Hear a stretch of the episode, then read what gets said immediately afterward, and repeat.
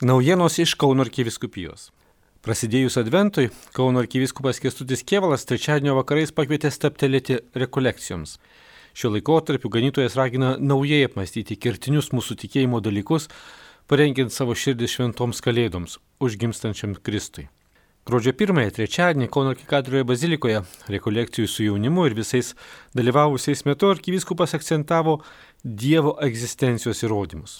Akivaizdžią Dievo buvimo tiesą, kuri per mūsų protą ir per širdis nori įžengti į mūsų gyvenimą.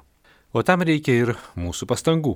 Ganytojas duodamas pavyzdį apie meilę ir įsimylėjimą pabrėžia, kad kaip ir meilėje turime dėti pastangų ją augindami, taip ir per įvairias liturginės praktikas, maldos formas turime auginti tikėjimą.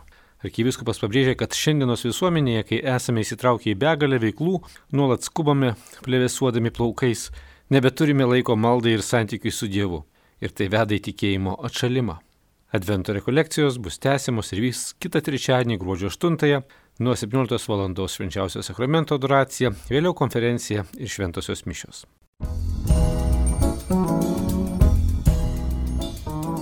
Lapkričio 30-ąją Kauno Šventojios dvasios Šilainių pirmojoje parapijoje įvyko Kauno pirmojo dekanato kunigų konferencija, kurios tema buvo apie jaunimo pastoraciją.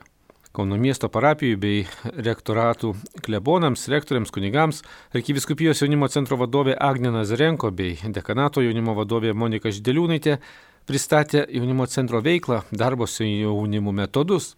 Vienas iš pagrindinių jaunimo centro uždavinių tai darbas su parapijomis. Pabrėždama vieną iš svarbiausių sričių - darbą su jaunimo vadovais bei katechetais, ir daugiausiai susitinka su jaunimu per juos gali užmėgsti ir artimą ryšį su jaunais žmonėmis bei jų tėvais.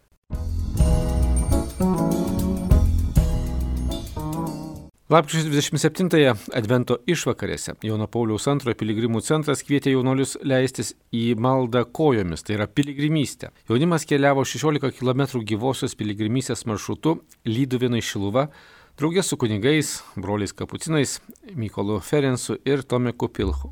Piligrimų neišgazino net staiga ištikusi žiema. Kelyje jie meldėsi rožinio džiaugsmo slėpinius, klausėsi jaunų žmonių liūdimų, sustojo sušilti pas Moskų šeimą ir galiausiai pasiekė Šilvą šventė šventasias mišes.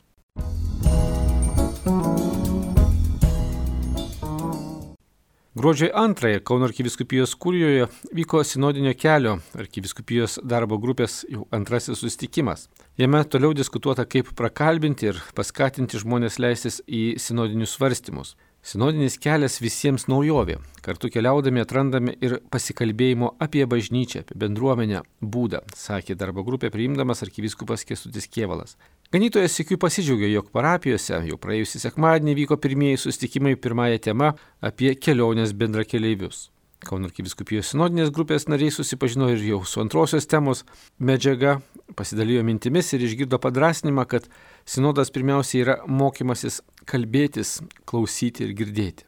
Kalbėjimasis galėtų būti ir ateities bažnyčios stilius. O kitose nei bažnytinė aplinka tarnaujantis darbo grupės nariai atkreipė dėmesį, jog sinodiniuose susitikimuose žmonės nori atsakymų, pageidaujama dvasininko dalyvavimo ir bendravimo. Ta pačia gruodžio antrąją Kauno arkiviskupijos Silovados bendradarbiams pristatytos Lietuvos viskupų konferencijos gairės nepilnamečių ir pažeidžiamų suaugusiųjų apsaugai. Jas pristatė ir atsakė į klausimus viskupų konferencijos teisininkas dr. Vygantas Malinauskas. Šios gairės tai kompleksinis dokumentas ir jis, pasak teisininko, išreiškia, kokių nuostatų atsakomybės laikosi bažnyčia.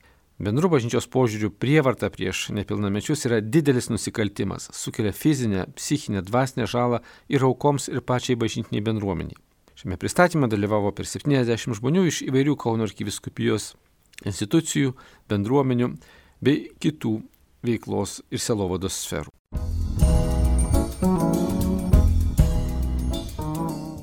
Kauno akademinės silovados bendradarbiai kviečia studentus į adventinės rekolekcijas tema Ar trokšti būti laimingas. Ši tema gimė iš popiežiaus Pranciškaus žinios jaunimo šių metų lapkričio 21.